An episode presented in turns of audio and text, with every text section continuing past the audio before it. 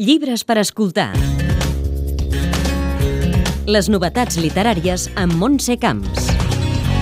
Avui en revelem i us parlem de sotmetiment, violència de gènere, crisi, col·lapse i racisme.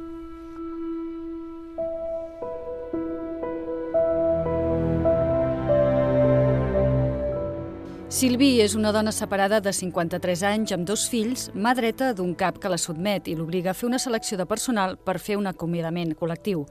La Silvia revela i el decideix segrestar. Però aquesta només és la punta de l'iceberg d'una dona que ha rebut la violència laboral, però també d'altres molt més profundes i doloroses.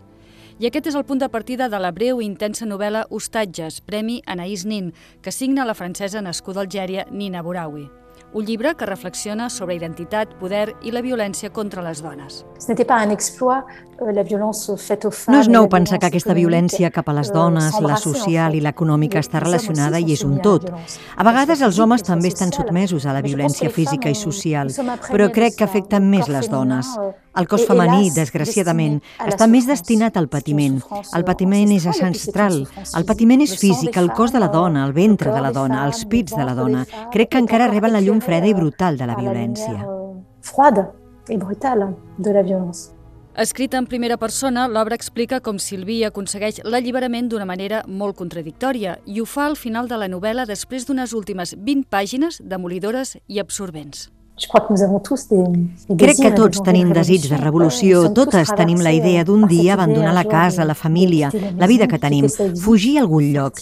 M'impacta la idea de les persones que fugen i desapareixen, i Sylvie Meyer organitza la seva desaparició social cometent un delicte castigat per la llei. Es posa al marge de la societat i la tanquen, i quan està tancada, paradoxalment, és quan se sent lliure. Diu que el que uneix les dones és la por, la probabilitat de la violació, i tota la vida consisteix, diu, a esquivar situacions incòmodes. L'educació, afegeix, és la millor eina per superar una societat on les dones són presoneres de la seva sexualitat, però és optimista. Crec que la pròxima revolució serà la revolució de les dones juntes. Les dones han de ser solidàries. A vegades ens adonem que les dones, per venjar-se de la seva història de dones, es vengen entre elles mateixes. I les dones han de ser conscients que som amigues, som una força. La força de les dones existeix. Jo hi crec molt en això, convidant, això sí, els nostres homes com a amics.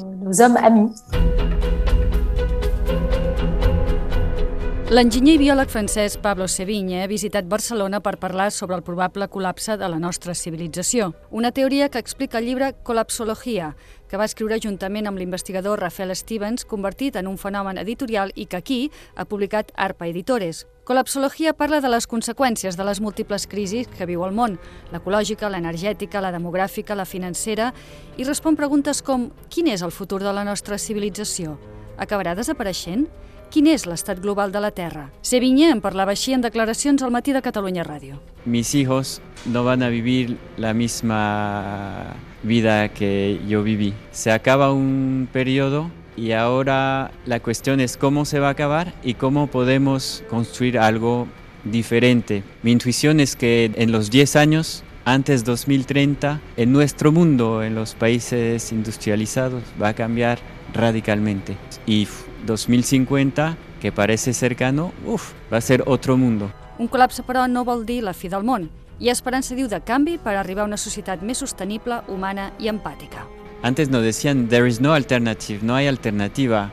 El neoliberalismo, el crecimiento, no hay alternativa. Sí, podemos pararlo y podemos decidir y podemos, ¿por qué no?, construir algo. Y la otra cosa que me ha sorprendido es que cuando dejamos a la naturaleza tranquila, pues hay un renacimiento rápido. Esto me trae bastante esperanza.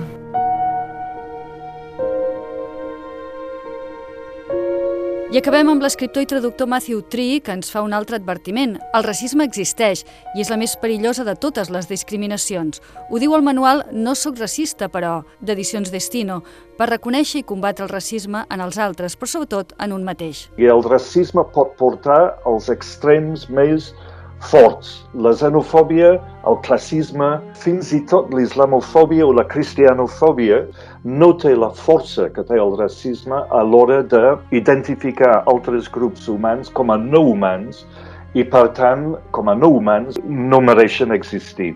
Matthew Tree, però, està convençut que el racisme pur és un anacronisme i les noves generacions ho consideren un concepte antic, un nou motiu per l'esperança. Llibres per escoltar. Les novetats literàries amb Montse Camps.